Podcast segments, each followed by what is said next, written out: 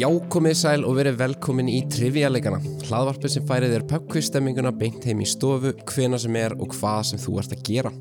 Daniel Óli heiti ég og verð þáttastjórnandi ykkar dómari og spyrill. Með mér í dag eru Ingi, Kristján, Leifur og Bjarki. Komið sælir, strengir. Heil og sæl. Sæll og blessaður. Blessaður. E, já, Ingi og Kristján, þetta eru nú keppendur sem að hlustendur orðin er mjög kunnir. Aðeins ofkunnir held ég sko. Já. Já, svona, keppendur að gamla skólanum, búin að vera sérn í þriða þetta. En... Uh, Þreita. Já. Það er bugun Það er bara búin að... Erfitt í gerðu þeirra. spurði Daniel sko Já, við vorum svona að taka upp t- hérna, þrjá þetta í ger og, og einn í dag þannig að þetta er veisla Já, ég. ég bara, uh, þetta verður veitla svo segir sko Og- En uh, Leifur, þú hefur verið áður þú varst hjá okkur í hérna 20. þætti Já, og hérna þú komst með hérna bróðin síðast, Valda já, en þú hérna ert búin að uppfæra í annan bróður í dag já. Ég hugsaði að það væri bara... Ef, ef það gengur ekki meitt, þá prófum maður bara næsta og ef þetta gengur ekki, þá verður mamma með mér hérna einhver- einhverjum mánuði. Já, þ- já Bjarki, þú ert eldri bróðurinn eða ekki? Ég er elsti, jú. Þú ert elsti, þetta er svona eins og upp í skólanum sko, ef maður er, þú veist, maður lendir í slaga eitthvað þá er maður næri stærri bróður sko Já, þetta er stærri bróður, þetta er rétt. Ég, hérna, ég hugsaði að ef þetta væri keppni í ykkur öðru, þá væri fólk orðið hrættara, sko. einhver meira líkamlegu Já, Ég, held það, það hann hafi skipt mér út, eða skipt valda út fyrir mig, segi mér í rauninni það að hann hafi tapað síðast. já, það, það er líka það, sko. Ég bara get ekki horst í augu við þetta. Þannig að núna er ég búin að sko, að reyna að lesa í þig og kynna mér allt um ennska boltan til dæmis og þú hefur ekki spurt um ennska boltan hinga til. Þannig að núna kemur ennski boltan þá. þetta mun bakfæðra sko það virkar ekki að reyna að lesa hann sko Æ, við erum reynd lengi. hann sér allt fyrir sko En já, þáttur dagsins er í bóði Elko og Póki Hallarinnar og hérna, já ég er að spája að leifa ykkur að fá Pokémon spurninguna, Ingi og Kristján og hún hljóma svo. Nýlega kom út nýtt sett af Pokémon spilum sem Póki Höllin er að selja en settið heitir 151 sem vísa til þess að þar er einungis að finna upprunlega 151 Pokémonuna í því. Einn af vinsælustu 151 Pokémonunum er án efa Pokémonin Eevee, en hann getur þróast í marga mismunandi Pokémona og því er nú spurt hver þessara fjögura Pokémona er ekki einn þeirra sem Eevee getur þróast í. Og því fáið fjóra svarmöðuleika. Það er A. Jolteon B. Vaporeon C. Ashion eða D. Leafeon. Þekkir þú það? sé Þetta sé ég. ekki Esjón Ég er mjög fein að það var spurt um fyrstu 101 sko. Já. mjög fein. Þetta er, Shit. já, Asjón er ekki til sko. Þetta Ekki ennþá. er Ashion. Já. Það er hárætt. Þetta er Ashion. Þetta nýja sett er alveg klikkað Já, og hérna, ég mælu með að tjekka í pókjölinu og kíkja á þetta. Þetta er, þú veist, þetta er svo mikið nostalgi. Þetta er bara gömlu 151 Pokémonir bara bestu. bestu Já, já, og líka bara artworki á þessum spilum er alveg klikkað. kíkja á það. En já, ég ætla þá að leifa ykkur að fá Elko spurninguna, uh, Leifur og Bjarki. Elko selur nú nýjustu útgafu iPhone snjallsímans frá Apple sem kom út á dögunum, en símin er fáanlegur í allskins litum, útgafum og formum. Hægt er að fá iPhone með misstóru innbyðu geimsluminni, já, en hversu mörg gigabæt er stærsta mögulega geimsluminni í iPhone 15 hjá Elko og því fáið fjóra svarmögulega. Er það A. 256 GB, B. 512 GB, C. 1024 GB eða D 2048 gigabyte Við vorum múin að skipta með okkur verkum og þetta fellir í e, bjargakörfu. Einmitt. Gjörðu svo vel.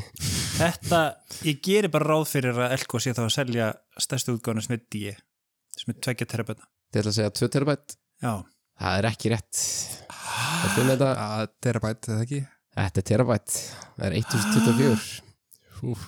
Er ekki framleitur starra held ég? Nei, er þetta ekki einmitt Ég held þessi starsta. Er þetta ekki hérna Pro Max eitthvað Jú, ég, eitthvað. ég get ekki svona en ímyndum það er ekki prófin í, það er hann ekki í tvö. Ekki svo í muni, Það var nei. alltaf ekki búið á F-síðunni Á, Þannig að mandrarlegt Ah, fyrir mig. Minni hérna. sko. Þetta er allt í lagi, þetta verður klift út. Já, einmitt. spurðu aftur. Tökum þetta. ég veit ekki svona hvernig maður myndi nota 1 terabæt Sko, ég er með 512 í mínum síma og það er bara, það er allt og mikið. Já. Allt og mikið. ég er bara að nota eitthvað 20 gigabæt sko. Já, same. þú veist að vera bara að taka eitthvað 4K video all day every day sko Já, ég held að þetta sé svolítið hugsað þar. sko. Já, Þetta er, Af því að þetta er það hugsa er- fyrir þá. Já, ljósmyndirnar og vídjóin og Já. svona þegar þetta fær að taka upp í þessum gæðum, þetta er orðið svolítið fljótt að telja held ég. Já En já, við byrjum þá á nokkrum uppbytunar spurningum til að hitta liðin þessu upp. Fyrir þessar spurningar fást engin stig, þær eru bara til gamans. Ég ætla sem sagt að nefna nokkur nöfn og liðin þurfa að segja mér hvort um er að ræða skáldsögu eftir Charles Dickens eða lag með The Backstreet Boys. og ég ætla að byrja á ykkur uh, Leifur og Bjarki. Þið fáið Set Adrift on Memory Bliss. Já, þetta er Backstreet Boys texti Er það? Þetta er, Já, já. Já. já það lítur að vera þetta er, þetta er vandralegt að segja það, þetta er Backstreet Boys Já, já, texti já, þú þekkir það bara Þú veist að syngja þetta í bílnum á leiðin ykkur bara. þetta er hára rétt, þetta er Backstreet Boys og þetta er að plötunni Backstreet's Back frá 1997. All right. Mjög vel gert Mjög vel gert. Já, Kristján og Ingi, þið fáið The Battle of Life The Battle of Life Ég get alveg séð fyrir mér að þetta sé Backstreet sko Eitthvað Það, nýtt Backstreet já. Boys lag eða eitthvað Skiljur, Gæti verið Midlife Crisis Eitthvað eitthvað. Kompakið, kompakið, kompakið Platan, Gott- Gott comeback lag Ég Já. til í það Já. Sér Backstreet Boys Já Til í það Þið ætla að segja Backstreet? Já. Þetta er Dickens Ó, Jæja Mátt reyna Máttir The einn Battle of Life Það er bara gráhárin og Herjá, förum aftur til ykkar Leifurbergi Þið fáið The Answer to Our Life Þetta lítur að vera Backstreet Boys Þeir eru- Þetta er their life, þetta er ekki já, Our Life af því Þetta Já. er fleirtala Já, og, þú veist Er þetta Mhm. við, the human race Hversu Einmitt. djúpt er þetta? Ok, já, ég hlusta ekki á þessu Ba- blötu Backstreet Boys Þið ætla að segja Backstreet? Já, þetta er Backstreet Boys Þetta er bara hárið Þeir eru að svara stóru spurningunum Úf. Við við erum erum í yfirleitt mjög vesinni. góður í því sem skiptir ekki máli Við ætlum að taka öll núlstíin Já. Þetta er sérst að plöðunni Back and Blue Nei, Black and Blue frá árinu 2000 Þá fyrir við til ykkar, Kristján Ingi Þið fáið Unsuspecting Sunday Afternoon Já Þetta er beit sko Þetta er algjör beið Ég ætla að gefa þér bara Svara þetta um, ég, ég, Þetta bara hljómar ekki svo mjög catchy boyband lag sko Nei Hljómar bara Charlie Dickens Já, Dickens Charles Dickens sorry. Þið segið Dickens? Já. Það er ekki rétt Þetta er Backstreet Boys og þetta er að plöðinni Unbreakable frá árinu 2007 uh, Fyrir þá aftur til ykkar Leifur og Bjarki, síðasta ykkar er Spanish Eyes Já, þetta hefur náttúrulega verið í söngtextum sko, en ekki þeirra Við, við erum fræðingar í, í Backstreet Boys textum Já, ég eru það Já, hérna Sko- ég held bara við erum komið tvo Backstreet Boys ég held við þurfum að hafa eitt Dickens Já, og hann, þetta er Trick Dickens og hann hljómar ekki eins og Spanish Eyes en þetta er Dickens Þið er að segja Dickens Þetta er Backstreet Boys Hlita okkur maður sér sko Já Þetta er á plötunni Millennium frá árinu 1999 og þá er að síðasta ykkar Kristján Ingi tími fyrir smá redemption hjá ykkur Ó, guð. Þetta er Our Mutual Friend A- Aftur hérna er áur Sko það gæti Þú veist Það hljóma svolítið svo Þeir En Ó, bara, Já, samilinu vinur þeirra Strákana uh, Þeir eru marga samlega vinnur Já, á- á hverju var ég að syngja um einhvern eitt tiltekin Það mikir ekki sens Dickens frekar Dickens Ok, Dickens Dickens Þetta er að segja Dickens Já. Þetta er Dickens Það er rétt Lóksins Þið bættu fyrir þetta neðandan komið Smá redemption smá redemption, komið sterkir inn í flokkspurningarnar Flokkspurningarnar eru 20 talsins, liðin skiptast á að velja flokk og svara spurningum úr þeim flokk. Fyrir rétt svar fást 8 stig en liðin geta líka fengið að heyra fjóra svarmöguleika. En ef þau gera það, þá fá þau bara helmingina stigunum fyrir eða fjögur. Ef lið svara vittlust fær hitt liðið séns á að svara og getur þá fengið fjögur stig fyrir. Já, þið komið svolítið vel út úr uppbytunni, Leifurbergi, þannig að ég ætla að leifa ykkur að velja fyrsta flokkin.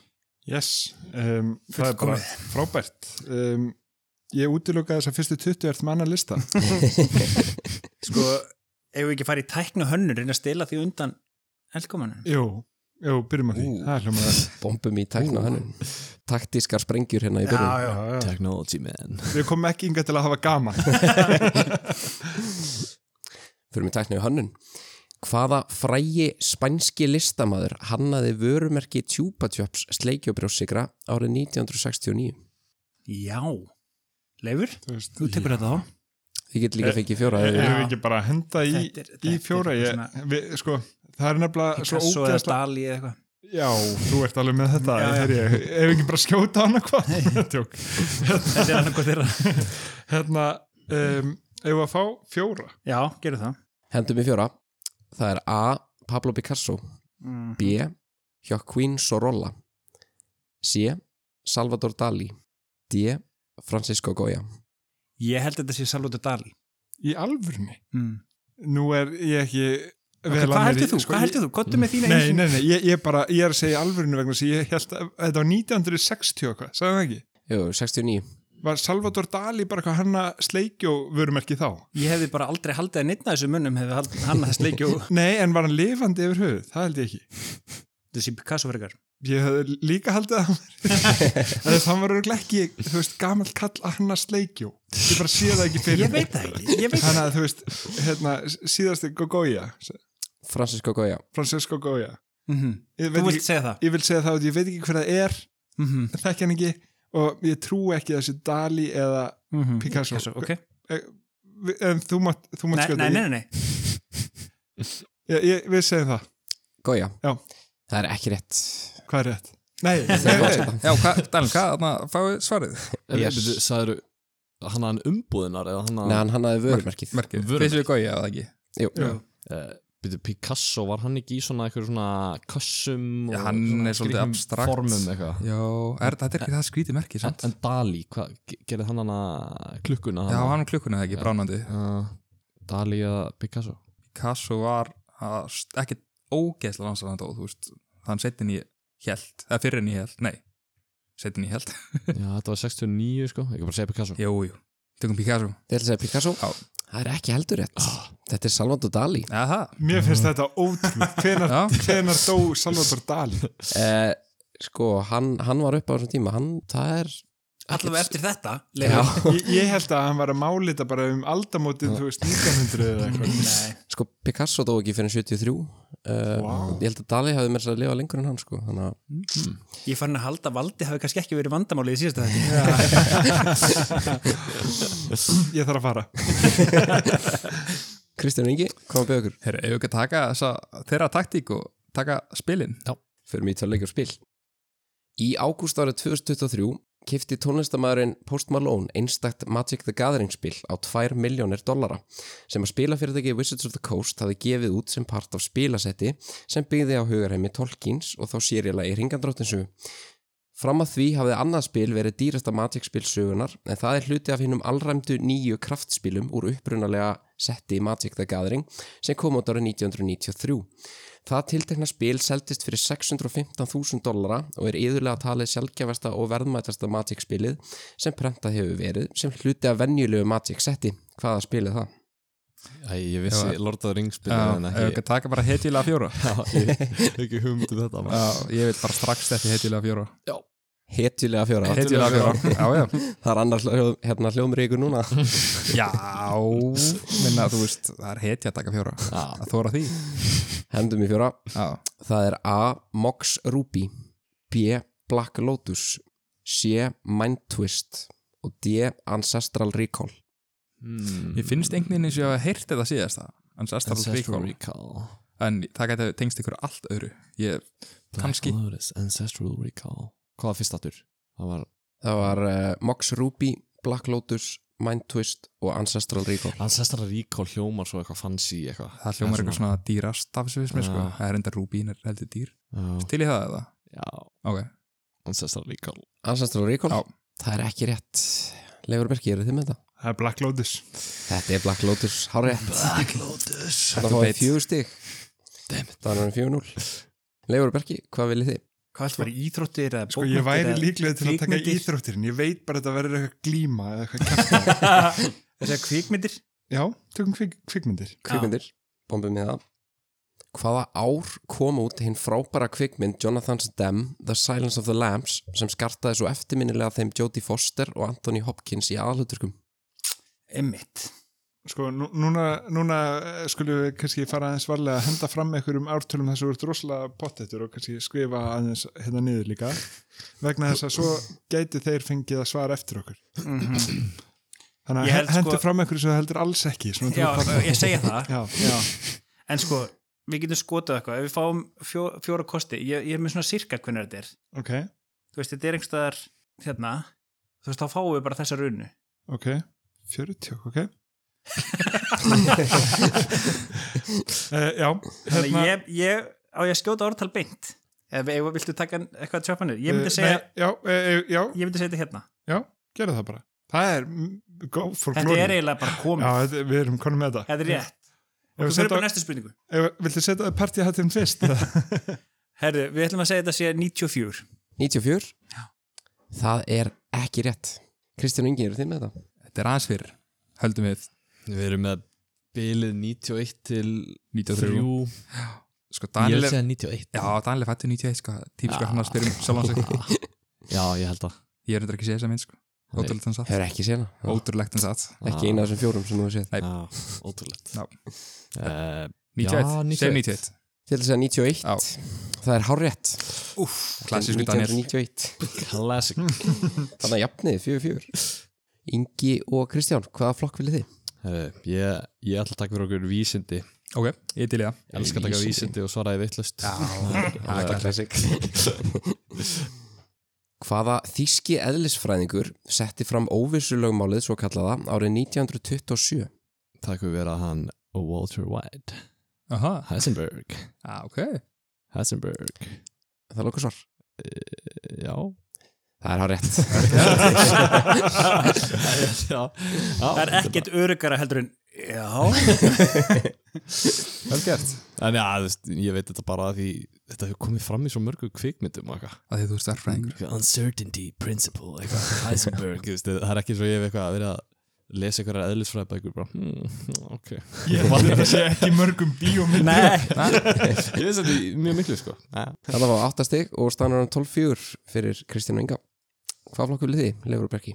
Leifur er búin að ákveða, hann ætlar að velja Eh, Við ætlum bara að taka erlenda landafræði Við erum svo ógæslega flinkir í því Erlend landafræði. geggjað val Já, ég, sko, Bjarki hefur verið svo mikið í öllundum að bara, wow Hvar ertu, hvar ertu oftast? Þannig, að ég held Vestmanni, ah, Gaman á túrist á þar, ég held Já. það, sko nei, nei, gaman að flakka Já, skella sér í Herjól og, og Baldur og Sævar. Og, og hér kemur Erlenda landafræðin. Dar es Salaam er afrísk hafnaborg sem stendur við Inlandshaf, ekki nema um tæpum 40 kílómetrum frá ströndum Unguja, stærstu eigu Sansibar eigaklassans. Hvaða Afrikuríki tilheyrir borgin Dar es Salaam? Tansaníu Það er hár rétt. Þetta er Tanzania. Tanzania Þannig að það verður jafnir. ekki að slegja þessu um þig hana, með þessu Ég bara, ge- þetta er eina afríska landið sem ég vissi Þannig að jafnir 12-12. Ingi og Kristján.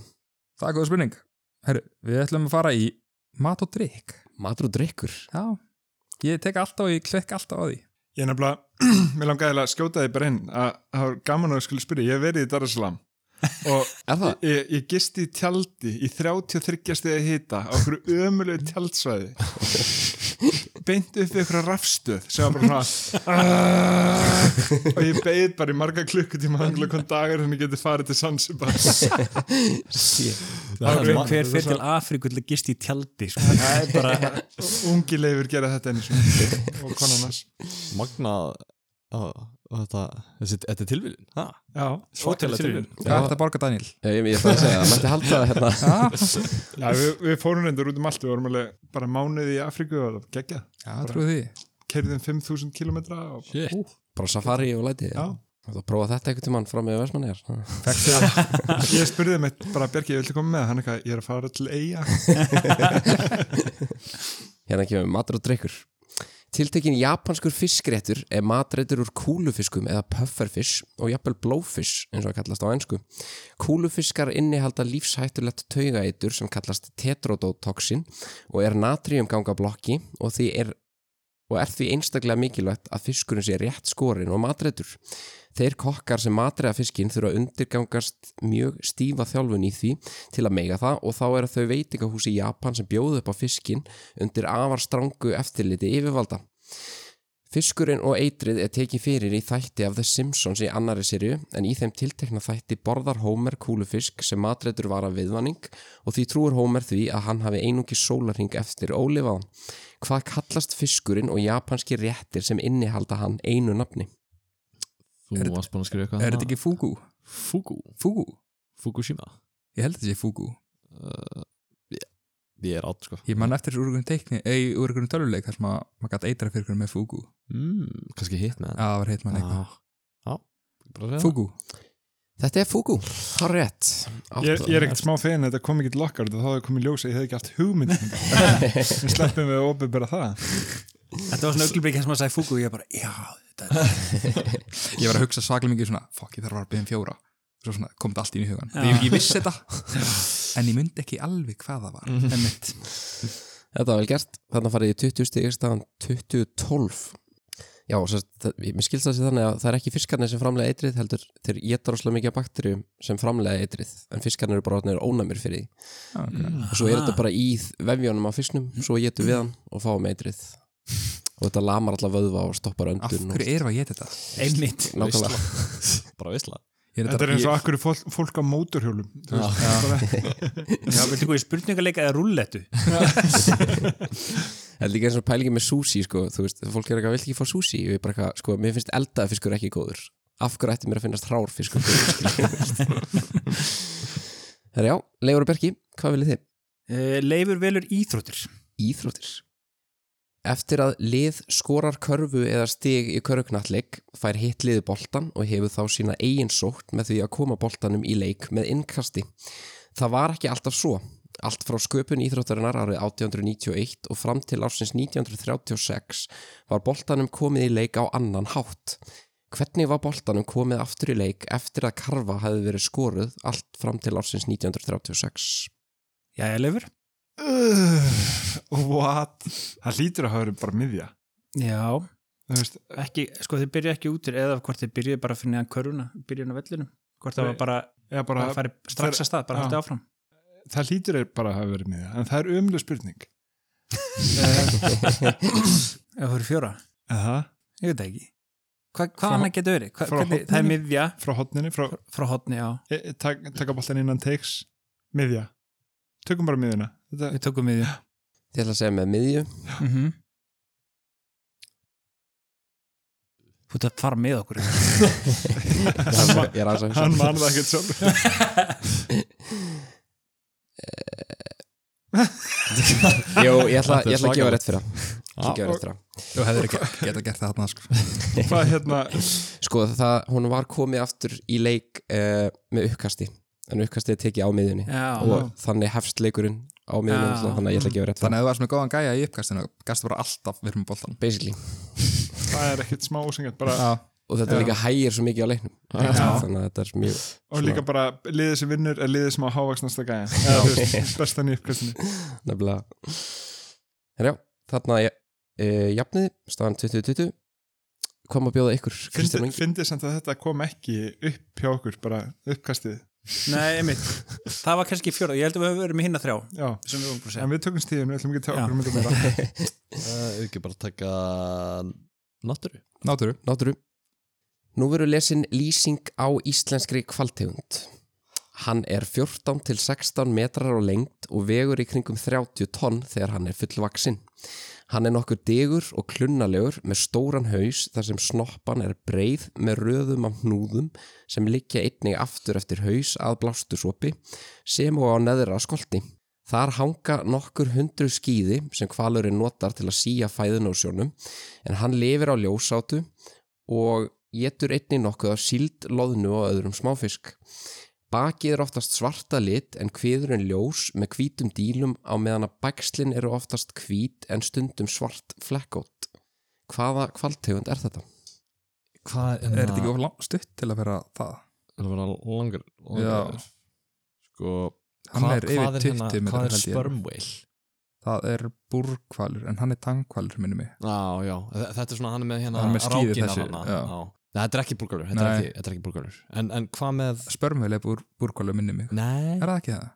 held En bara ekki eitthvað eins og, þú veist, hrefna eða eitthvað svolítið. Það er skýðiskvalur, minnum mig líka. hvað með, ég heldur að þessi einu svo langur langur er, Skil lang, er ekki, sko, steipirður er, er ekki hátt í 30 metrar. jú held að- Langröf er bara, þú veist, aðeins minni. Þú veist, Eh, á, 25 ok. eða eitthvað. Mm. Ég held að það sé ekki svona svaglega mikið minni. ok, ok, hvað, hvað gæti það þá verið ég, Ég dettur ekki margir að það er skýðiskvalur í hug, sko. nei, Get líka tekið fjóra. getum gert Getur tekið fjóra. getum ekki fjóra, taka fjóra Tök, Taka aðra heitilega fjóra Eh, Þá erum við samt, held ég, engu nær sko. Já, Nei, við, það er mögulega það að fá upp einhvern af þessu sem við vitum ekki af Þegar ég held að þetta sé ekki lagur eður já Við vitum að þetta sé ekki steibreiður Það taka heilskap, Heitjúskap heitjuskap Heitjúskap Hetjuskap. Heitjúskapur Já, Það er heitjúskapur að taka fjóra Já, sko. tökum sko. heitjuskap Til að taka fjóra Já. Bombum við það Það er A. Sandreiður B. Nýsa C. Núfubakur D. Hrefna Núfubakur eða sandreiður Ég held að núfubakur, það er, Já, same það er ekki hunchback whale eða eitthvað svoleiðis Hunchback Heit, eit, Eitthvað svoleiðis Hunchback of Notre Dame Hunchback ah, Hunchback whale Já, segjum, segjum Ég vil til ég segja núfubakur Hnúfubakur, já. Já, Til að segja núfubakur Já. Það er hár rétt Fjú stig hetjuleg fjögustig Leifum við með þetta svo ekki Allan tíman ég, ég, ég er engin kvala sérfæðingur sko. Ég bara, ég skrifa þetta niður og bara Vel gerst ég, ég hef ekki getað sleið um mig með einhver lengd og eitthvað svoleiðis Bara svona, já, þetta er eitthvað sem, sem getur passað við eitthvað. Þeir eru bara núfubaksbakk já þegar ég tók sex vikur í norður Atlantsafi Ég kjafti kvalsins Ég lifðir með kvölunum Já, Já, staðan er 24-20 Hvað maður bjóði ykkur, Bjarki Laugur? tökum sjónvarp Sjónvarp Hvaða tegund af frosnum vöflum er uppáhaldsfæði hennar Eleven í sjónvarstáttunum gríðarvinsælu Stranger Things? er það ekki Eggos fyrir Ego? Jú, það er Eggos Lego my Ego? Já. Já, Það Ego er Eggos Þetta er Echo, hár rétt Þetta er 8 stygg Þannig að takið fórustuna 28-24 Hvað er þetta eitthvað svona tilbúnar Já, þetta er bara tilbúin að frosna vöflur, setja Já, þetta bara í brauðristina já. Herru, við viljum taka ímislegt Ímislegt Já. Wildcardið Ég er búin að undirbúið mig mjög vel fyrir þessar spurningar Já, þetta eru bestu spurningar til að undirbúið sér fyrir Á fána Wales má sjá rauðlitaða drekan af Katvaladar, konungs Gwynedd, á bakgrunni af grænum og hvítum, litum tútorættarinnar.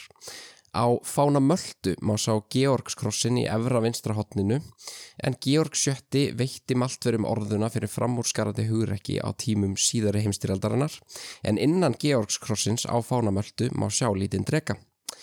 Að undantöldum þessum tveimur Evrópuríkjum er eitt annað ríki í heiminum sem hefur mynd af drega á fána sínum. Hvaða ríki er það? Er það ekki Það þetta? Það er Mordor Já Já Ég, Targaryen fjölskyldan líka já, uh, Já uh, mér minna þessi Bútan Bútan heldur en Nepal Það er ekki Ah, Nepal ah, Bú- Nepal er með það þrýningar Já, jú, þetta er Bútan Þetta er Bútan Það ekki segir Bútan. Nepal Alltaf að segja Bútan. Bhutan Bhutan Það er hárætt. Þetta er Bútan. mjög vel gert Þarna farið í 32 stík og takk í fórustuna. ah, það er svo fyndið þegar eitthvað segir svona er það Bhutan? Nei, eða var það kannski Nepal þá fæði maður svona, já, segir það segir það, Já, já þannig það eru að hugsa um þetta Körbaldspurningunni, svona please segið eitthvað þetta Please segið þetta Leifur og Bergi. Hvað segir um tungumál? já, já, já Þeir yeah. eru mikli málamenn yes, Förum í tungumál. Höldur EHF er fyrirtæki með akureyskar rætur en vinnu heiti bílalegu félagsins bílalega akureyrar ætti að vera kunnugt flestum. Nafnorðið Höldur merkir óðalsbóndi en var einnig haft um jarðeiganda forðum og er eflaust kunnulegra í nútímanum í gegnum samsetninguna búhöldur sem notað er um bónda og þá sér í lagi stórbónda. En nú er spurt, hvernig beigist nafnorðið Höldur í þáufalli eintölu? heldi þetta er svo Heldi, hörður Höldur um höld frá heldi til haldar já, Heldi Já, sammála Til að segja heldi. Já, ég heldi það Þetta er ekki rétt Ingi og Kristján, eru þið með Geta þetta? það verið þá þú veist, höldri eða eitthvað svoleiðis Já, hvað Höldur um höld Höldur um höld frá Það höldi gæti náttúrulega þannig að gæti náttúrulega alltaf að vera þú veist, þetta gamla góða höldur um höldur frá höldur til höldur eitthvað svona bara allt eins Allt eins eða höldri en, Höldri, en höldi höldi Já, ég held að frá höld Höldur um höld frá höldi Já, það er eitthvað frekar höldi heldur en höldri Já. ég vil svara aftur Höldur um Ok, höld frá höldi leiðum að svara aftur núna Ef ekki bara að segja Höldi Höldi yeah, Jú, Höldur um höld frá höldur Já, hljómar Höldi, rétt höldi. Höldi, höldi það er rétt Þetta er sem sagt Höldur, höld, höldi, hölds Já, Þetta er ótrúlega. því líku skellur Það hefur verið miklu betra að hefur fengið hvernig beðist bíla akkurirar. Já, Það er eitt af því sem voru búin að undirbúa fyrir þetta já Þannig að taka Ingi og Kristján stærri fórustu og staðan er 36-28 Ingi og Kristján, hvað viljið þið? Takk bara trúabröð Já, ég er til í það. Religion, Religion. hér kemur hún Hvaða guð innan hindúatrúar ber fílshöfuð og er yðurlega kallar guð viskunar þar sem hann er sagður geta lagt fyrir fólk hindranir sem og fjarlægtar ásamt því að hjálpa fólki að leysa ímis flókin vandamál sem vefjast fyrir þeim Vishnu Gæti verið. Ha, ein- Ég- ég held að einu sem ég veit Gleimi alltaf öllu. Í, ra, Er eitthvað R? Ra, ra það er, Ég kan bara segja Vishnu bara skjóta já, ég Vishnu. veit, ég veit, ég get nefnt einn Ja, eða þú Vishnu- annan. Vishnu er, hún er svona blá gella held ég Ég fá fjóra. Nei, það, fá, það fáið bæði, það fáið bæði. En ég, Þetta er held ég bláa Er Þetta er blágélan. Er það ekki? Ég- Jú, jú, segjum Er það ekki sem að disrespekta sér bara bláa gælan? Þau erum að tala um guði ykkur, já, sko. Já, guðlast um, Ég held að þetta sé bláa sko, sem þú varst Ok. að skrifa Eh, Ekki bara skjóta á fyrsta eða Vissnú. Jú, jú. Vishnu Til að segja vissnum Ertu vissnú? Ég er frekar Vishnu Ég hætti núna. Það er ekki rétt Leifur og Bjarki Sko eina ástæðan fyrir að ég veit að Vishnu er ekki þetta, erum mitt út af Simpsons og það eru eitthvað lag sem að endar á The Extra Arms of Vishnu, þannig að Vishnu er með margar hendur allavega. En ég veit ekki Það alveg, var ekki Seven Arms, var það ekki þannig? Eða, Ég maður það ekki það var sefna, um, Já, að- hvar var að- Odd? Til Einmitt. að hand- hendum þá. Viltu ekki Ég veit þetta? ekki. En, en hérna, sko, við vorum til í fókasi bara tvo. um, ég veit ekki alveg hvar fýls höfuð. Mhm. Ég bara er ekki... Ég er alveg vel að mér. tómur í þessu Já. sko þú veist, þeir voru að tala um hérna ra, ram Ramadan nei, Ramadan. raman uh, ramen, ramen núðlur um, Þetta er Raman, það Já. er það svarið raman, flott Til að segja Raman já, Mhm. Það er ekki rétt. Þetta er Ganesh. Ganesh Ah, oh, Gamli góð já, Ganesh maður Akkurat á að það vita þetta samt sko. Akkur það sem við Já. skriðum, sko. Geir, oh. Ég, ég þarf að fara að stöndja bara hinduism eða eitthvað. sko. Og seint, þetta var spurt núna Það voru- Ég, satt, ég man eftir þessu lægi sem þú varst að tala um lefur. Já. Það er hann að The Extra Armson Vishnu. já, það er ekki Það er að búa að syngja það. uh, já, Leifur og Birki, hvað viljið þið? Tónlist já, já, Músíka, ég hef hér tónlist bombum í það. Lægið She's the One er eitt frægasta og mest spilaðasta lag breska söngvarnans Robbie Williams en lægið hefur verið spilað yfir 150 miljón sinnum á tónlistavitunni Spotify. Williams hefur ítrekkað sagt í viðtölum að lægið sé eitt af besta sem hann hefur samið en það er í raun argasta lígi því Williams samti lægið bara alls ekki neitt. Tveimur árum áður en Williams gaf út sína útgáfulagsins kom það út á plötunni Egyptology sem bresk rockljónsveit nokkur gaf út árið 1997. Williams gerði Kim líka ábreyðu af læginu og gekk meira að segja það langt að fá trommara og bassalegra sem fylgdu upprunalegu hljónsveitin á tónleikaferðalögum til þess að vera með í ábreyðinni. Hvaða hljónsveit er það sem samti upprunalega lægið? Ég kannast við þetta nafn á þessari plötu En ég man umöðlega hverju þetta eru ég hef ekki glóru, þannig er þú einn á bóti kallið minn Mhm. Ég ætla að hjálpa þér nákvæmlega mikið að þú hjálpaði mér með indverska kóru. Einmitt Brest, þetta er 97, er það? Sem, sagt sem að upprunalega lægið kom. Mm, ef við ekki bara farið í fjóra Jú, ég held að það hljóma bara mjög vel. mm, Fyrir mig fjóra Bombum í fjóra. Það er A. Spin Doctors B. World Party C. Simply Red D. The Magnetic Fields Ég veit ekki hvað B og D eru. Sko, World Party hljómar svona Egyptology Já, Þetta er svona heims Það hljóma mjög vel. Já, Við, þetta er bara algjörnagla. þetta er bara komið World B. Party, við ætlum Já, að fara World að tónleika með það bráðum. Þetta er algjör negla og þetta er rétt svar. Þetta er World Party. Búm. Uss Þarna fáið þið fjögur stig og farið í 32 stig og staðan er 36-32 fyrir Inga og Kristjáni. Ingi og Kristján, hvað viljið þið? Við viljum uh, fá hann eitt Stefán. Íslenska landafræði, Mm Mhm. -hmm. eitt Stefán með öllu. Ó já. Hér skín ég algjörlega sko. Það er stundu spurt um vestmenni. Og hér kemur Íslenska landafræði. Námundað að næstu heilu tölu. hve mikið af flatarmáli Íslands er þakið jöklum og skekkjumörkin eru 2%. mm. Hmm. Er- er- Mér minni þetta alltaf okkur Átta Hvernig var þessi spurning uppfærð? Mér minna að þegar ég verið í þú veist, grunnskóla það verið talað um svona milli 15-20% þú veist þannig að gæti vel verið að núna sé ég komin neðar sko. Það getur ekki, ég, Mér, min- mér minna alltaf að svo 1.50 í kringum 1.50 það getur ekki verið ekki Það- það lengur sko, er mikið. annars, þú veist, það, það fyrir mörgum Já. árum, náttúrulega. En það, það Alltaf var alveg bráðnar hérna núna. mikið Ég held ekki Hvað er Íslanda flatamalaust? Er ekki 103.000 eitthvað hann? 104.000? eitthvað þannig sko en ég er bara ímyndið mér sko að þú myndir taka jöklana á kortinu skilur og bara bræða á niður Já, Þú veist, jú, hva- ég myndi hvað- ekki skáðu eitthvað kringum 10% en það sko. já, eða jafnvel minna sko Ég held að sé ekki Átta. minna sko. ég, vil, ég vil ekki vera undir 10 ég, helst sko. ég vil skipta á þetta Það var sörur 9 Æ, æ, æ, þú, veist, þú segir, ég segir 10 og þú segir 8 Ok, níu. Það fyrir 9 Þið ætla að segja 9%? Já. Já. Það er ekki rétt. Leifur og Berki, eru þið með þetta?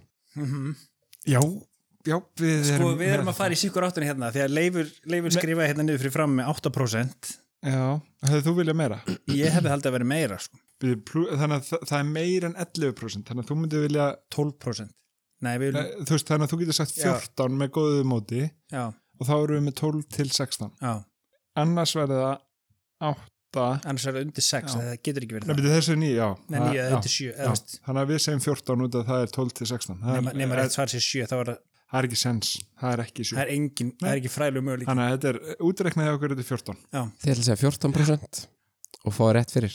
Búm, Þetta er 12%.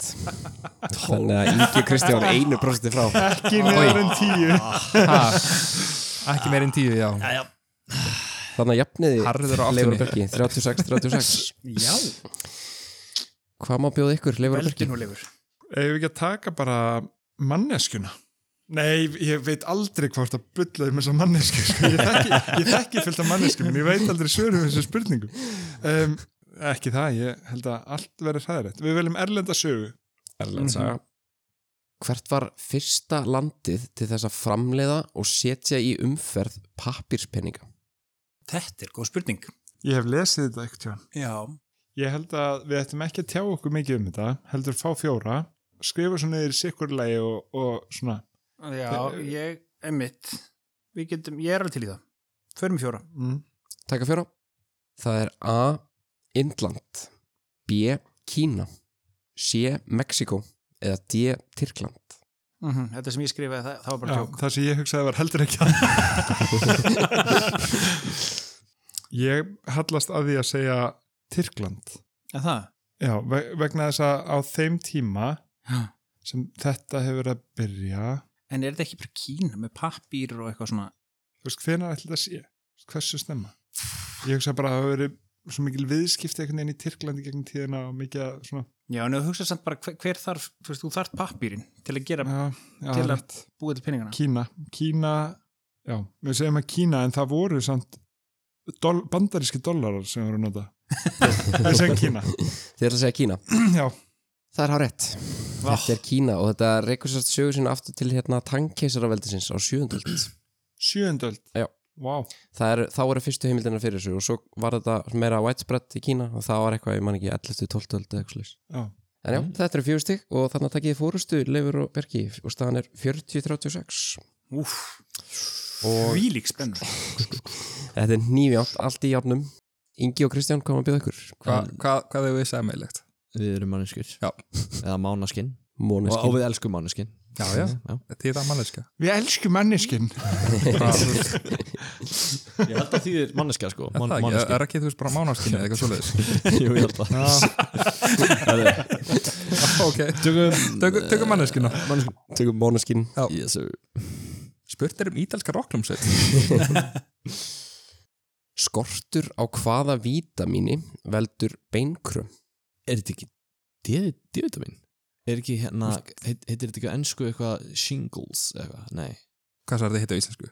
Beinkrömm ef þetta er hérna þú veist tengt hérna löpun uh, þú veist Uh, fótunum og það þá, þá er það D-vitamin sko ég, okay. ég vil skjóta D-vitamin D-vitamin D-vitamin D-vitamin, það er hár rétt Þetta er D-vitamin, skortur Þannig að fáið þið 8 stig og farið í 44 stig staðan 44-40 fyrir Inga og Kristjáni Nýfjamt uh, Singles er hérna sem sagt, svona, kem, sprettur upp aftur hlaupabóla ha svona ristill Já, hmm.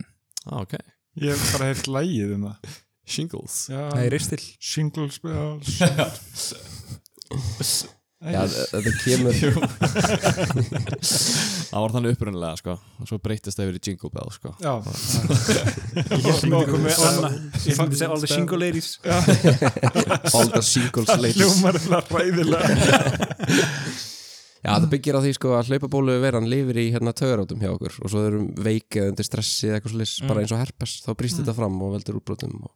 Það var einn vinnufélagi minn sem að fekk svona og sagði svo við mig bara, herri, ég er með ristil og ég eitthvað, já og það vissi ég ekki að þetta var eitthvað sjúkdómur sko. þetta, þetta heitir bara sama ég, bara, ég er líka með ristil Það er nú gott vinnu minn, það Já. er gott að heyra það það var bara, ég er með augu duglegur Já, maður á að vera þakklátur sko Já. fyrir Nákvæmlega, vera þakkláttu fyrir ristili sín, hann vinnur ansi mikla vinnu já, Herra já, þá eru fjóri flokkar eftir svona fyrir hlustendur, það er íslensk saga, stjórnmál, bókmentir og listir og hvað má bjóða ykkur af þessu, Leifur og Bergi? wow, mér finnst það bara allt svo frábært Ég eftir með tölfræð hver, hversu oft þessir hafa verið síðustu fjóri Er þetta ekki alltaf Nei. síðustu fyrir? Nefnilega ekki. Það taka það saman sko Það er óða mismyndin nefnilega sko herri, ræðin stjórnmál Stjórnmál Árið 1984 var þingmönnum á alþingi Íslendinga fjölgað og efri og neðri deild þings saminaðar.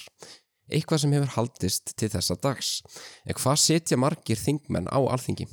Ég held að segja þetta hérna sko ef ekki bara hendi í það Ef Ekki bara fá fjóra en það hjálpar, þetta er bara t- þú veist, við erum ekkert að fara að vera eitthvað meira educated að fá helmingi færri stig fyrir hvað sem er eitthvað sem er brákiskun Nei, mitt Alltaf leið Þú bara Bara- Þú ert svo við lesin, ég treysti ég bara Nei, nei, til þú ert 63, stjórnmálafræðingur. 63, Þú valdir það 63 Þið segir 63 og það er hár rétt. Þeir eru 63. Þess vegna er svo gott að hafa svona viðlesin mann og svo þegar þeir taka bókmyndir eftir og klikka, það svarar þú bara Þannig ég svaraði þessi fyrir því, þannig ég má klikka á eittir Já, já, ok Þannig að taka Leifur og Bjarki fórstuna, staðan 48-44. Ingi og Kristján.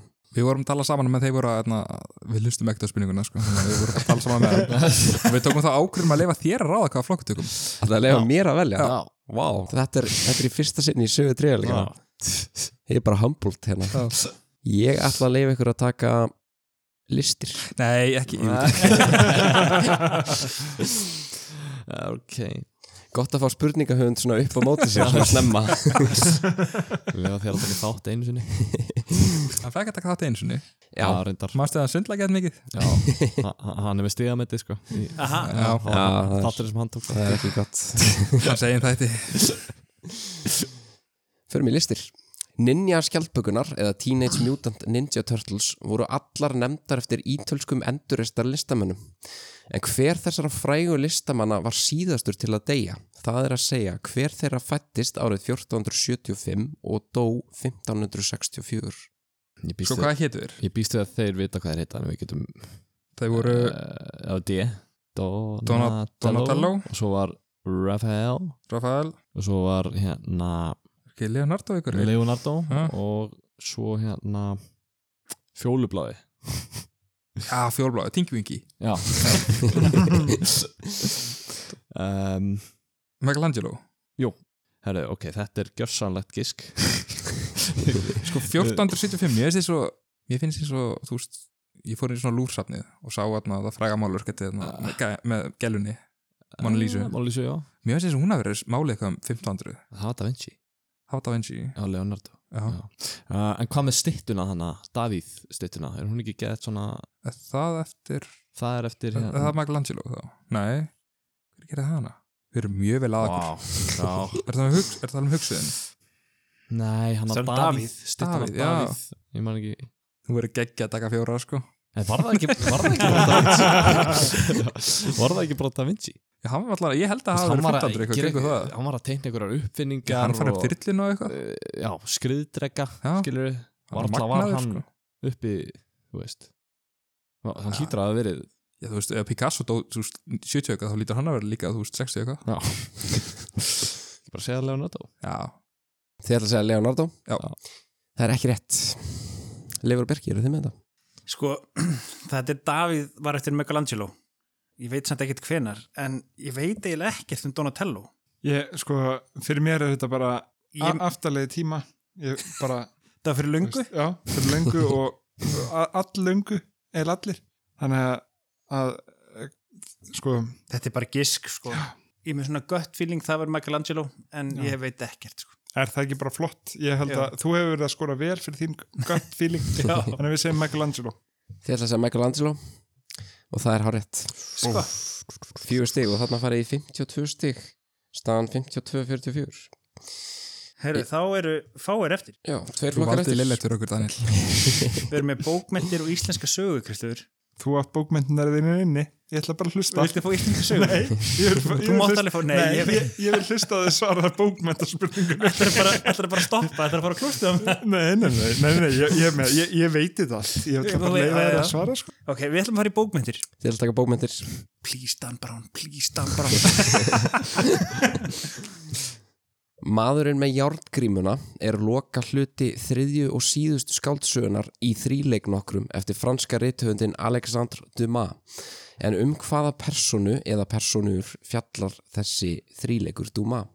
Er þetta ekki um Skytturnar sorg- þrjár. Nei, já, skitna þrjár já, D'Artagnan held ég hann heiti aðalpersonan, ef ég mann Ég er með þér liði, ég, er bara, ég stiði svo vel Og ég held, sko, við þurfum ekki að breyta af gött feelinginu núna nei, nei, nei, nei, höldum okkur við Já. þetta, við segjum þetta bara Dartaninn og skitna þrjár Það er hárétt. Þetta eru 8 stig og þið farið í 60 stig. Þetta er sem sagt einmitt skýtun á þrjár og svo D'Artagnan.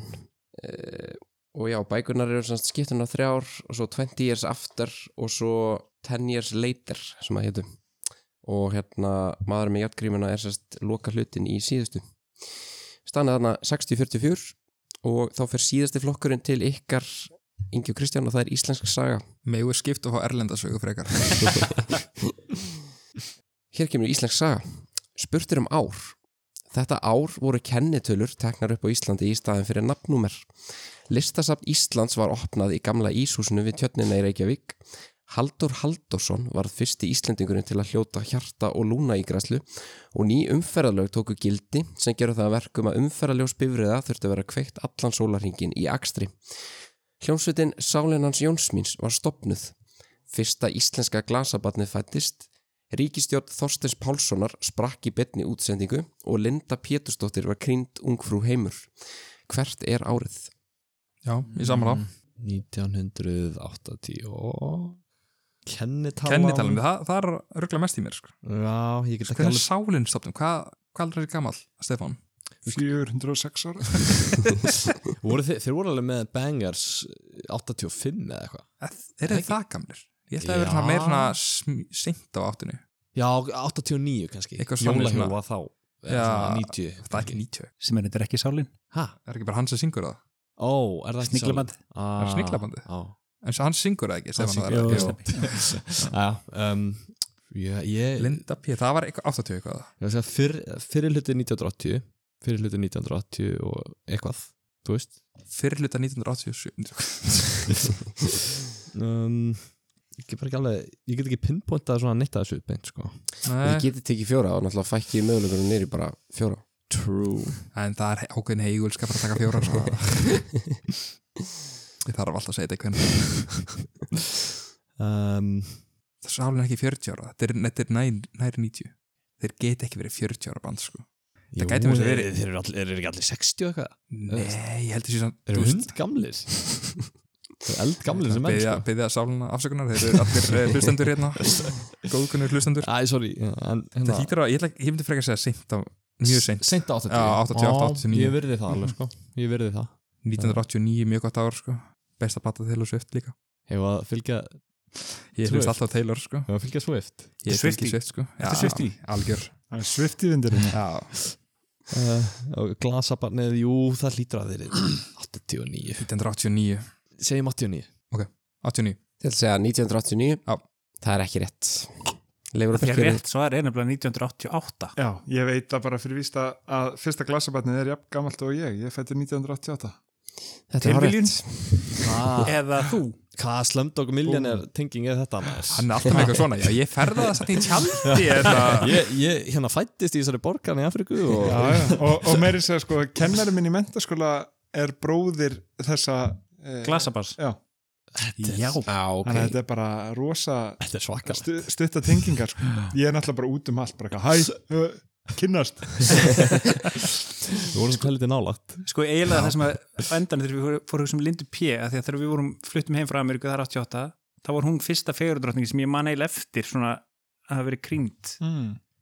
sko við vorum hvorið fættir hann sko. þau voru báðið fættir, þetta er ósætt hann var að fæðast hann, nýfættir það er, það er þægilegt að mynda með íslensku fjörðardrattningar sem er ungfrú heimur það er Hófi 85, Linda P 88 og svo Unnubinna 2005 þannig að er, þú veist, Já. 5, 5 og 8 hvernig er það þægilegt? það er bara ekkert aðeins að minna þetta sko. Það er fyrir svona trivia perra sko Já, ég, þetta bara einhvern veginn ég tengi þetta alltaf 5, 5, 8, 5 og ég man cirka hvaða langt á milli og þá er ég bara með Já. þetta en já, Þú ert þetta er veikur. komin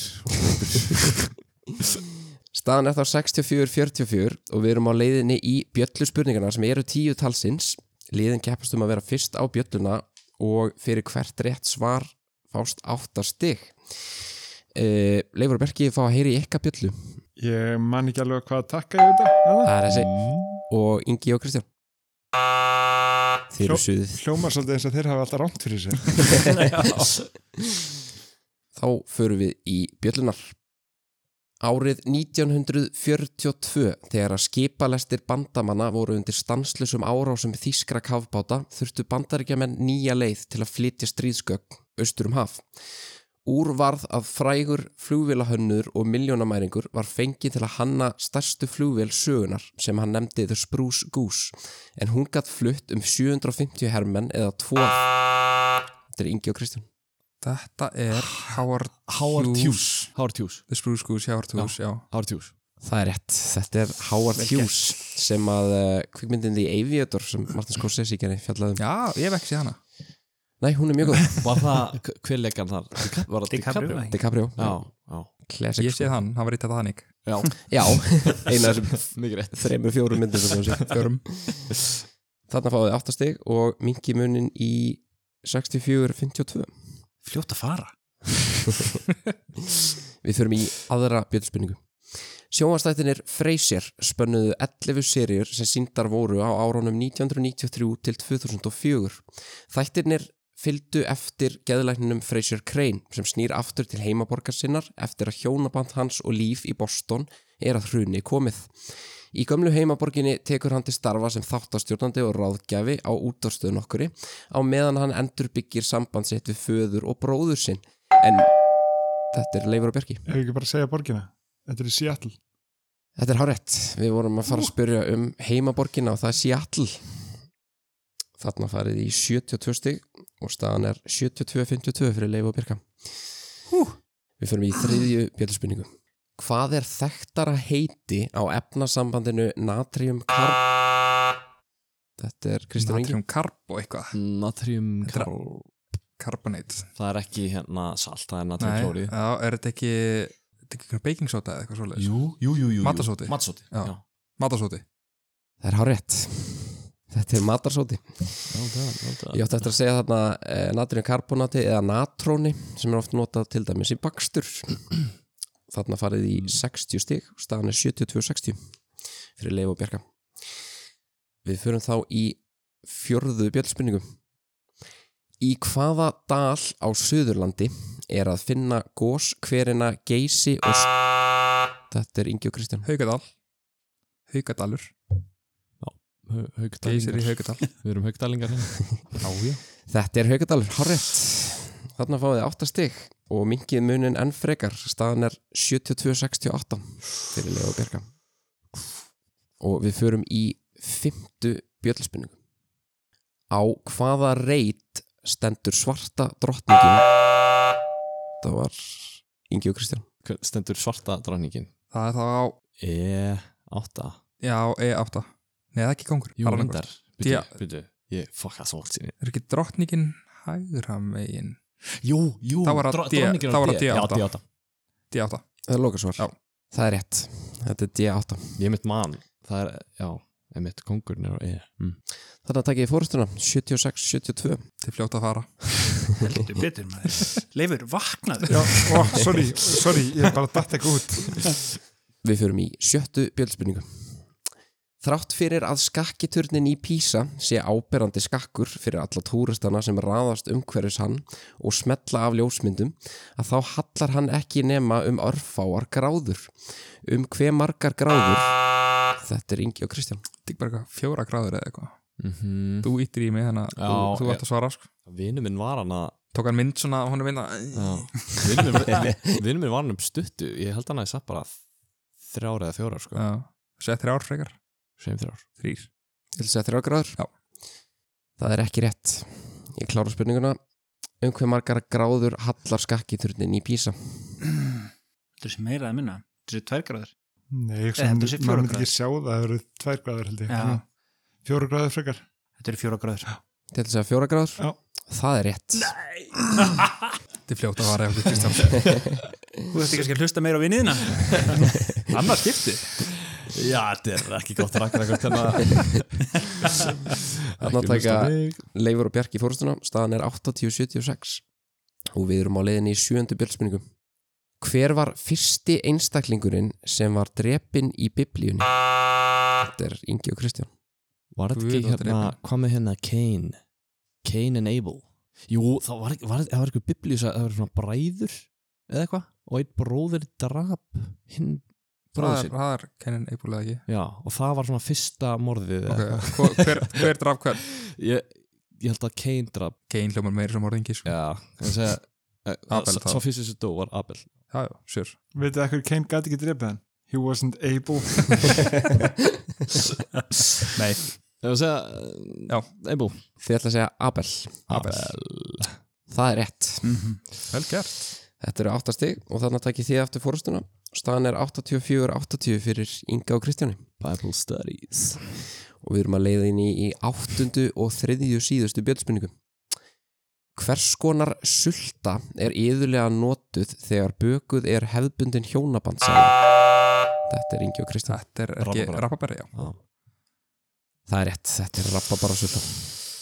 Þetta var skellur Ég er ömulegur Veistu hvað ég er búin að borða mikið hjónabæðshefni í gegnum árið? og Sko, ég bara Leifur. hræðilegur. Já, Já. Ég, ég þarf að kaupa hann þær Prófaði, hjónaband. þetta virkar ekki takki En hann bílaði En hann virkar Kemur samt svona tveimur sekundum eftir á. Já Þannig staðan árið 92-80 fyrir Inga og Kristjáni og við erum að leiðin í næst síðustu bjöldsmyningu. Handrit fyrir kvikmynd nokkra var upprunalega skrifað sem viðvörunarsaga um stjættaskiptingu í bandaríkjónum og bar titilinn Þetta er, Ingi, Djöfullinn. þetta er Leifur og Björki. Mér langar að segja bara Gangs of New York. Já, þér langar það já Já, það, ef- ég var eitthvað svo stressað. Ég er búin að vera svo setna að dingla hvernig hljómar Gangs of New York. Gangs of New York, þú veist, það er ekki eins og gömul mynd sko. Nei. En þú veist, já, þetta sé gömul mynd bara. Já, þú veist, ég held að þetta sé eitthvað annað, Einhver ég held að þetta sé, ég stjættaskipning. held að þetta sé ekki eitthvað eldra hvað ætlum sé 15 ára þessi mynd en þú veist, Já, hvað, þú veist, hversu ég marga held að myndir þetta sé sem eitthvað svona One Flew Over the Cuckoo's Nest eða, eða hérna, Rebel Without a Cause eða eitthvað svona svoleiði sko. já, heldur að svoleiðis myndir hafi uppáðulega skrifaðar fyrir eitthvað annað og urðu svo bara algjört Já, masterpiece ég held það, eða þú veist frekar þá ætlar að vera eitthvað svona gengja þá var það frekar sko West Side Story en ég held þess að, nei, heyrðu, hvað heitir hérna myndin með henni Oprah Winfrey hérna The Color Purple geta verið eitthvað svoleiðis ég er til sko, ég, ég er bara dinglari Já, ég segi það bara, Til að segja Color Purple, já, það er ekki rétt. Ég held áfram með spurninguna. Uh, já, og bar titilinn 3000. Handritið þótti kvikmyndaframleðendum of skuggalegt en hvöttu handritshöfundin til að endursamja handritið sem romantíska gamamynd og breyta titlinum 3000 í eitthvað annað þar sem það þótti minna um of á vísindaskáldskap. Höfundurinn játti og árið 1990 kom kvikmyndin út en hún vakti mikla lukku meðal kvikmyndahúsagesta og var söluhæsta romantíska gamamynd í sögu kvikmyndahúsa Vestanhafs. Aðleikona kvikmyndarinnar vann Golden Globe fyrir bestu leikonu í aðhluturki og handritshöfundurinn vann BAFTA velum. Kvikmyndin rakaði inn peningum og varð á þeim tíma fjórðar söluhæsta mynd allra tíma á eftir einungis E.T., Star Wars og Indiana Jones The Last Crusade. Handritið þykir minnað miklu leiti á sögu Pygmalion eftir George Bernard Shaw sem og My Fair Lady sem einni er byggð á Pygmalion. Hvaða kvikmynd er þetta? Já, já, ég skrifaði vittlust, þú skrifaði rétt Eh, Já, þetta er mjög, þessi mynd er Já. alveg huge Já. Veist, Það hekki bara Ég skrifaði Pretty Lady, en Absolutely rétt svar er Pretty- Pretty Woman Það er rétt svar, þetta er Pretty Woman. ó, vel gert og þarna farið í 100 stig og staðan er 180 Það breytist ekki um, um 40 stig, stigamennurinn á okkur í þessum sko. Þetta er byrðuspilningum. fljótt að fara, það er rétt sko. og Við erum hugsum að- ekki hratt, það er það sem við fáum út úr þessu Hugsi rétt, ekki rætt Mm. og við erum að leiðin í síðustu bjöldspurningu Nú verða taldar upp nokkrar stúdíoplötur vinsalla tónlistarmanna og hljómsveita og spurt verður hvaða tiltekna ár var það sem allar þessar plötur voru gefnar út á og þetta er sérst eitt ártal Þetta eru plötunar The Joshua Tree með U2 Appetite for Destruction með Guns N' Roses Kiss Me, Kiss Me, Kiss Me með The Cure Bad með Michael Jackson Þetta er Leifur og Bjarki Þetta er 86, 87 Þetta er, ég ætla að segja 87 Það er rétt, þetta er 1987 Við bjarkirum alveg með þetta. Það var mjög vel gert Þarna mingiði munin í 188 uh, Já, ég átti sérst eftir að tellja upp þarna Tango en það nætt með Fleetwood Mac og Faith með Josh Michael En við erum þá á leiðinni í textabókina sem er næst síðasti liðu keppnunar Og guð Liðin fá sitt hvað textabótin úr frægu erlendu lægi sem hefur verið hróttalega slátrað og fært yfir á íslensku af Google Translate. Fyrir réttan títil lags fást fjögur stig og fyrir réttan flytjanda fást önnur fjögur stig, þannig hægt er að vinna sér en alltaf áttastig í textabókinni. Og eh, ég ætla að leifa ykkur að velja hvort þið viljið textabók A eða B, Ingi og Ég Kristján. tek, vel alltaf að Já, amen og ég næ þessu aldrei Ég held að ég hef aldrei náð textabókinni Liðsjálmenn oft náði, en ég aldrei Það Æ, ég er að íhuga að fara að kjósa framsókn sko. já, Veistu, þú ert búin að hafa rétt fyrir þér mjög oft í dag Já, tökum Eða í það kvöld, framsókn Þannig, Já, já, tökum Tök- B tök- já, Framsókn Þið ætla að taka framsókn textabók B. Hefst þá lestur. Ég gæti verið vakandi bara til að heyra þig anda. Þetta er komið. Já, ég held að Horðu á þig brosa á meðan þú sefur. Á meðan þú ert langt í burtu og dreymir. Ég gæti eitt lífi mínu í þessari ljúfu uppgjöf. Ég gæti verið týndur á þessari stundu að eilífu. Þar sem stund með þér er stund sem ég met mikils. Vil ekki loka augunum. Mhm, Mm-hmm. mhm. Hvað heitir lagið? Cause I miss you, babe I don't, Don't wanna miss a wanna thing miss a thing Já, Don't heitir wanna bara miss a það- thing Heitir ekki bara það? Hlýtur að vera Don't wanna miss a thing Þetta er svo Já. mikið hitt eitthvað Þetta er ykkur bíómynd Don't, já, þetta er hérna Armageddon eða eitthvað svolítið Þetta er ykkur svona stríðsmynd eitthvað Já, hann, sem sagt, hvað heitir söngurinn? T- Ah, Tyler já. Hann skrifaði þetta lag fyrir, já, Armageddon eða eitthvað Já. og dóttir hans er í, í myndinni eða eitthvað Já. Það er eitthvað fucking weird eitthvað Hann er að skrifa love songs fyrir dóttir sína Um dóttir sína Það er skrítið Æja, Það er okkar sko Er- Aerosmith, Don't wanna miss a thing Já, Það vandaldið að lagi heiti það sem það ekki sko Já. Don't wanna miss a thing, Aerosmith, Lókisvar Áttastig Ú, Þetta eru áttastig, hár rétt. Þetta er I don't wanna miss a thing og þetta er mitt hennar Armageddon. já loksins næði þessu Og var Sá- sá þetta lag klassiker. samið fyrir Armageddon? Já, Minnið það já. já og, og, ok. Liv Tyler leikur í henni Já, sko. ég já, mæli já. eftir því sko. Ég held að þetta lag hefði bara verið valið Nei. með Nei. myndinni. Ég held að þetta lag var eldra. Já, nei, við minnið þannig bara sko. Það hafa Já. verið saman. Ég hef séð bíómynd sem lag var í en það var ekki þessi mynd sko Það var Blades Já, of ok. Glory Hvað sér Blades of Glory Já. sko Það var Já. mjög gott atrið En þetta er bara svo skrítið að því að atrið það sem þetta er það sem hún er að knúsa Ben Affleck Já, og já. að þetta lag sé undir var svona kínu, kínu skrítið Aldrei. En þetta er góð sena, sant? Liv Tyler sætt Já, Arven. Já, Já, hún er arfin Já, Arven og Dómjál. Ég hef séð tvær myndir með þá Magna varst ekki bara búin að sjá þrjár bíómyndir Fjórar Fjórar, já Titanic Það er svona að flakkar á milli þátt að hvað eru margar sko. uh, Já, þetta var textabók B og Leifur Bergi þið fáið þá textabók A og hefst þá lestur Heimurinn logaði og enginn gatt bjargað mér nema þú Það er undarlegt hvað löngunin mun fá heimskulegt fólk til að gera Mig dreymdi aldrei að ég myndi hitta einhvern eins og þig og mig dreymdi aldrei að ég myndi missa einhvern eins og þig. Nei, ég vil ekki verða ástfókin. Þessi heimur mun bara brjóta hjarta þitt. Nei, ég vil ekki verða ástfókin. Þessi heimur mun bara brjóta hjarta þitt. Með þér, með þér. Þetta lag þetta er sko, ég skammast mín ekkert fyrir að segja að þetta er eitt af mínum uppáðslögum sko.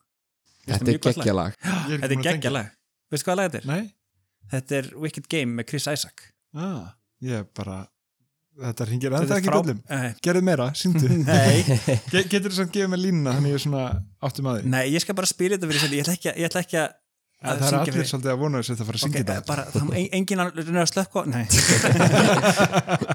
Nei, Kristján er alltaf til að syngja sko Aha, Já, fjö hann getur sungið þetta lag Já, Er þetta hann að I wanna fall in love Já. with you Já. Þetta eru áttastig Þetta Vá, er Þetta er Wicked alveg Game með eins og Chris Isaac Þetta er heila alveg eins og bara alveg leið En já, líka bara að benda hlustendum á það og, og þér og fyrst og fíla lagið Það er hérna, það var indie útgáfa að gera laginu með hljómsveit sem heitir Widow's Peak Ég veit ekki hvort þú Já, þekkja Nei, það. ekki, ekki stað Það er ótrúlega flott útgáfa Það hefur verið gerðar þetta nokkuð margar góðar útgáður sko Já, Það var svo einmitt, En mér finnst þessi alveg sko bara átáðapark sko Widows Peak eins og ekki Widow's Peak Mælum með að tjekka það sko Ok Ef þið fílið Wicked Game, það er að segja mjög gott lag Herru, þetta voru 8 stig og þið fóru þarna í 96 stig Ok sem stýðir að staðan er 108-96 þegar við erum á leiðinni í loka leiðin en þar eru 24 stig í pottin þannig að það getur allt gerst Í þrýþrautinni eru borðnar upp þrjár spurningar og fást 8 stig fyrir hvert rétt svar þannig að það eru í heildina 24 stig sem liðin geta unni sér inn Í þrýþrautinni er alltaf eitthvað þema og að þessu sinni er þemað Texas Já, liðin sem skrifa niður svörin og rétta mér svo Fyrsta spurning í þrýþraut Línan fræga A. Houston, we've had a problem er komin frá Apollo 13 tunglförinni frægu en línunni var breytt í Houston, we have a problem í kvikmyndinni Apollo 13 til að auka á spennuna fyrir áhorfandan Houston er fjölmennasta borg Texas ríkis en er þó ekki höfuborg þess. Ef áhöfn Apollo 13 hefði ætlað að ávarpa höfuborg Texas ríkis, hvernig hefði þá línan fræga hljómað? Hmm. Og önnur spurningi þrýþrutt. Satt eða ósatt? Það var gerð framhaldsmynd í Texas Chainsaw Massacre seríunni árið 1994 sem hétt Texas Chainsaw Massacre The Next Generation en svo mynd skartaði meðal annars Matthew McConaughey og Renee Zellweger í aðalhuturkum. Hvað er að því?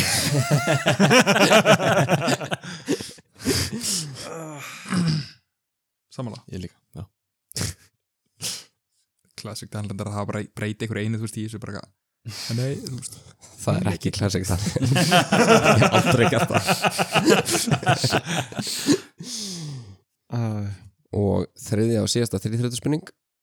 Hvað fær hver spilari mörg spil á hendi þegar spilaður er Texas Hold'em Poker? já, já, já, ég veit En Ok ef þetta er svona nei, nei, nei Þú- En það getur ekki verið Ef það er þannig þá, Já. Ekki þá tökum við Atkvæði mótikið. Þessi peningar í umslæðinu hafa svolítið áhrif eða svona. Þessi tíuskall sem datt hérna út í blæðinu sem hún rétti mér sko Herjá, förum við yfir þetta Fyrsta spurningin var hvernig myndi línan fræga hljóma uh, eða vera að vera að ávarpa höfuðborg Texasíkis uh, Ingi og Kristján og Leifur og Bjarki segja báðir Austin, we have a problem og það er rétt, Austin er höfuðborgin Önnur Powers. spurningin Austin Powers satt eða ósatt, það var gerð mynd sem hér Texas Chainsaw Massacre Next Generation Ingi og Kristján segja satt, Leifur og Berki segja ósatt og rétt svar er satt Sko, ég, ég, vildi, ég vildi meina að það semur enginn svona kæftaði þú veist eins og þú, en ég hugsaði það er líklega að þeir segja satt og þannig að e, við verðum að segja ósatt til þess að sex á fórskutu við eigum með þess Ég, sko, ég Já. vissi þetta ekki, ég bara vildi þetta vera Já, satt já En það var rétt ákvörðum sko Ég skrifaði satt, þetta var breytt í ósatt en það var ekki, ekki þú veist, ég, Þetta er ég hef satt góð pæling sko Já. Já, þannig að ég, taktíst ég, þetta Já. var bara taktíst og ég hugsaði að þú ert ekki með nógu súrt höfuð til að búa þetta Ó, kæftaði hann er með það Ég held Ó, að sé jú. alveg með það Já, ég er nefnilega er svolítið með það sko Og þriðja spurningin eh, Hvað það maður mörg spil á hendi í Texas Hold'em Poker bæðilið segja 2 og 2 er rétt svar og þetta þýðir það að Ingi og Kristján fá 24 stig og enda með 132 stig og uh, Leifur og Bjarki fá 16 stig og enda með 112 stig Helviti stega hó gefni mjög stighá og það er alls ekki í öllum keppnum sem að Nei, taplið fær yfir 100 stig og tala þá vel um 100, yfir 100 stig þannig að mjög vel gert Við erum alveg brjálæðir þetta er eiginlega Aftur. pottsvind Já, aftur Rímats okay. Tíu kallar okkur að stærri Góða ef við gítum að rekka aftur Seta nú sko. Já, þetta er, þetta er ótrúlega gaman Ég hérna, eh, get ekki sagt að ég sé hæfur til að vera bjöllumálar á þeirra í næsta þætti. Þannig að hérna Þetta ég var mjög hugsa gott. Það Ég var samt- ákveðin breyting þar á Ég er ekki viss um ég hef verið betri samt sko. ég, Þetta er svo erfið, þetta er svo tókstreita milli þess að býða eftir að heyra meira eða, Já, bjallan er svona erfiðasta í þessu sko. sko, Trikkið er að nota blíjant eða poti hendina á honum Þið voru það nálægt Ég reyndi einu svona að gera svona Já, fake ég sá- ég tók eftir því, og, og ég var að vona að hann myndi bara kýta og það gekk ekki og svo er svo hrættu við alltaf að taka á þessu borðið að ég verð bara, vildi ekki eða ekki upptökuna Svo líka með bjölluna annarkvort sko hverfur fórskotið á svona Já. mínúti eða hitliðið gjörsalega stingur þig af þú veist, kemst alltaf Bjöllunar í eru bjöllunum. Þetta vinst í bjöllunum svolítið. Þetta er svolítið þar Já, já En sko, svo er það besta líka bara þegar þú veist, þegar þetta er komið í hérna, loka, þri, bara í þrýþrautina og það er ennþá möguleik á að ná sko. Já, Það er alltaf smá stress það sko. En finnst þér þú sem þáttastjórnandi ekkert verið að gera sjálfu þér erfiðara fyrir með að margfalda bara öll stegið með fjórum Það er aldrei sens að fá eitt eða þrjú steg Já, það, var, það voru einhverju hlustundir einhvern tíma sem voru eitthvað fyrir að sá þessu í byrjun sko. en þetta byggði semst á því að, að hérna, við vorum með 50-50 spurningar og hérna, þá, var bara, þá fyrstu bara tvö stig fyrir þau mm. og svo var spurning sem var með fjóru svarmöguleikum þá var sko eitt stig fyrir hvert möguleikarinni þá Já. voru það fjögur stig og svo þurfti að vera tvöfalt það þau hafðir enga svarmöguleika og þá varstu með áttastíðin sko. Þú hefði þarna Ok, þannig samt að- getað deilt í tvo sko, haft einn. Já, Tveir ég veit fjórir. að ég bara þól ekki áttatölu sko. That's odd ég begi aldrei til vinstri En það er frábært að þetta er sér sögu það, ef þetta væri bara út í bláin þá var það Já, mjög skrið já En já, hérna Ingi og Kristján líka bara mjög vel gert 132-112 bara vel á sér vikið Það var mjög Eh, skemmtilegt og þetta var mjög jæmt fram á sko þannig að Helviti góð kefni sko Já. Mjög skemmtilegt Ég var mjög stressað rætna undir lokin á flokkarspurningunum sko, því ég var svona Shit, Já, þegar það þeir voru svo byrjað að oft í stinga. þessu sko Já, við varum 20 stað fórskott já, það er óþægilegt sko Já, mjög Mér, mér óþægilegt. finnst líka, ég, maður horfir alltaf á hann lista á eitthvað svona Íslandssaga, bókmentir og maður er bara eitthvað, please takk ég þetta please takk ég þetta, svo ég þurfi ekki að tjá mig Ó, já, við ætlum ekki að láta Daniel velja aftur Nei, alls ekki, það var mjög slæm hugmynd Þetta var djörf tilraun Já, þetta var svolítið gaman að þessu Ég vissi að myndi velja listir sko. Ég bjóst að myndi velja anstíklesu spurninguna sko. Já, Þetta var bara, þetta var ótrúlega skemmtilegt Og- Já, bara úkslega gaman að fá Skemmtileg okkur keppni. alla og hérna, ég er svona að vera að spyrja svolítið að því bara eftir síðust þetta, bara hvað ætlaði að taka með ykkur úr svona þetta, hvað hafið þið lært í kvöld bara að hérna treysta ynga og vera ekki að viðfengja hann það er það sem ég tek Já. Famous last words Ég lær ekki neitt eiginlega sko. Nei, það er mjög gott að heyra þetta, þetta er bara gaxli sko Jú, singles, singles, við lærðum singles. sko. Já, singles, já, við lærðum Singles, það, já Já, djöðu minn maður Og ég lærði að, að, að hnúðubakur er eh, 16 vetrar Já, alltaf eitthvað nýtt The more you know The more you know En þið leifur bergi Ég er bara alltaf alltaf að hugsa um Ganesh Já, Ganesh það er Ganesh, svona já. það sem að eh, ég pyrra mig mest á að hafa ekki minna Já, það, það var svona þegar þú sagði Ganesh Þetta var einn af þessum hluti sem mjög bara akkur, Já. Þetta átt að vera það mm. um, en annars sko bara segi ég sama Kristján sko ég bara treysta, treysta eng- engan Ég, ég læri það ef ég kem aftur og verður valdið með mér já þetta, er- þetta er frábært Það er búið að prófa allt lægnaðu á bræðurum bara ég, ég er endar búin að sína það og sanna að ég er afleitur keppandi í þessu Hvað hva eru margir bræðir eftir eiginlega? Við erum þrýr Já, þeir eru Við erum bara bara þrír. Já. þannig að þeir eru búin að hitta alla flóruna Allan rosterinn já, ég hérna en, en þetta er skrítið sko, ég, þetta er eiginlega sterkasta line-upið okkar, þannig að ég veit ekki alveg hvað Við mættum bara landsliðinu hérna Já. Í formi, það var erfitt að eiga við þá Nei, ég, hérna, mér, mér finnst það bara ógæslega gaman ég er alltaf hissað í tapi sko. En já, líka bara ókslega gaman að- að fá þig aftur og fá þig hérna einn bjarki og hérna Takk og líka fyrir. bara, bara líka gaman að geta að plugga hérna hláðarpinu þínu Leifur. Já, Pantera Blár, Pantera Þannig að, Blár. hérna, Það er eiginlega ekkert búið að tala um það Nei, það er bara ekki neitt en hérna við erum sem sagt ég og Valdi sem er þá hinnbróðurinn við erum með Pantera Blár með tveimur öðrum meðstjórnundum þar sem að uh, yfirskriftin er podcast, eða sem sagt borðspila podcast með pappabröndurum og svoleiðis þannig að þetta er hérna svona, byrjar alltaf á einhverju bara almennir vittlesu og svo, svo færist spjallið yfir í borðspil Hmm. og alltaf eitthvað eitt þema í þettinum og það er bara yfirleitt reynd að hlæja og hafa gaman og, og gera grín okkur öðrum þannig að bara fjóri mjög góði vinnir sem að eru þannig allan tíman Já, nei, ég bara segi fyrir sjálfum mig, mér finnst ókslega gaman að hlusta á okkur og hérna, ég hef líka haft gaman að þið fylgjast með ykkur á Instagram, þið fóru hérna ykkur á bústaðferð um daginn og það var mikið leiðið og það var mjög gaman að því. Svo er bara svona chillaði stemmar ekki eitthvað svona stresskeppni hjá okkur já, já, þú veist eh, við, við erum Það við, er samt alveg stundu keppniskap sko, það er að spila það var alveg, e, er- er klálega keppniskap en það er alveg afleitt ef einhver þarf að fara í heila bústæðaferð og vinna ekkert allan tíman og núna í þessari ferð þá endaði það þannig að ég og Valdi unnum öll spilin sem við spiliðum og við spiliðum ógeðslega mikið og það, hinni tveir voru ekkert kátir þannig að hérna en, en þetta er aðalega bara gaman og það skiptir ekki, það er ekki meginmáli að vinna þegar maður er að spila borðspil, þetta er, maður er að njóta þess að vera með í, Kjaftaði. bara uh, fólki í, í, þú veist, í kompani og ef að, ef að hérna þú veist, það væri bara meginmálið að vera að vinna, þá myndi maður alveg að spila þetta bara á netinu eða eitthvað, en þú veist, maður gerir það ekki Þannig að þetta nákvæmlega. er samveran Nákvæmlega, þetta er líka bara eins og hérna, þú veist, win og lose skilur, þetta er bara ókslega gaman. Já, það eru umlögt að tapa Já, það er alltaf, það er alltaf meira gaman að vinna en, en hérna Að Ég er að prófa að tapa, ég held ég var aldrei tapa í neinu áður bara í lífi Ég er bara að prófa í fyrst skipt Góðu stað alltaf að byrja hér En já, úrslitin eru þá ljós Takk kærlega fyrir góði hlustundur muni að deila podcastinu með fjölskyldu og vinum gefa okkur einhvern í hvaða hláðarsforti sem þið eru að hlusta á og endilega kíkja inn á heimasíðan okkar trivialegan.net uh, og sendið inn eða eru með eitthvað skemmtilega spurningar sem getur röttað í podcastið og þið þurfum ekki einu svona að semja spurningarna alla sjálfa bara eða eru með hugmyndaspurningu sendið það inn í inboxið okkar og við sjáum um rest Takk fyrir og við sjáumst fersk í næsta þætti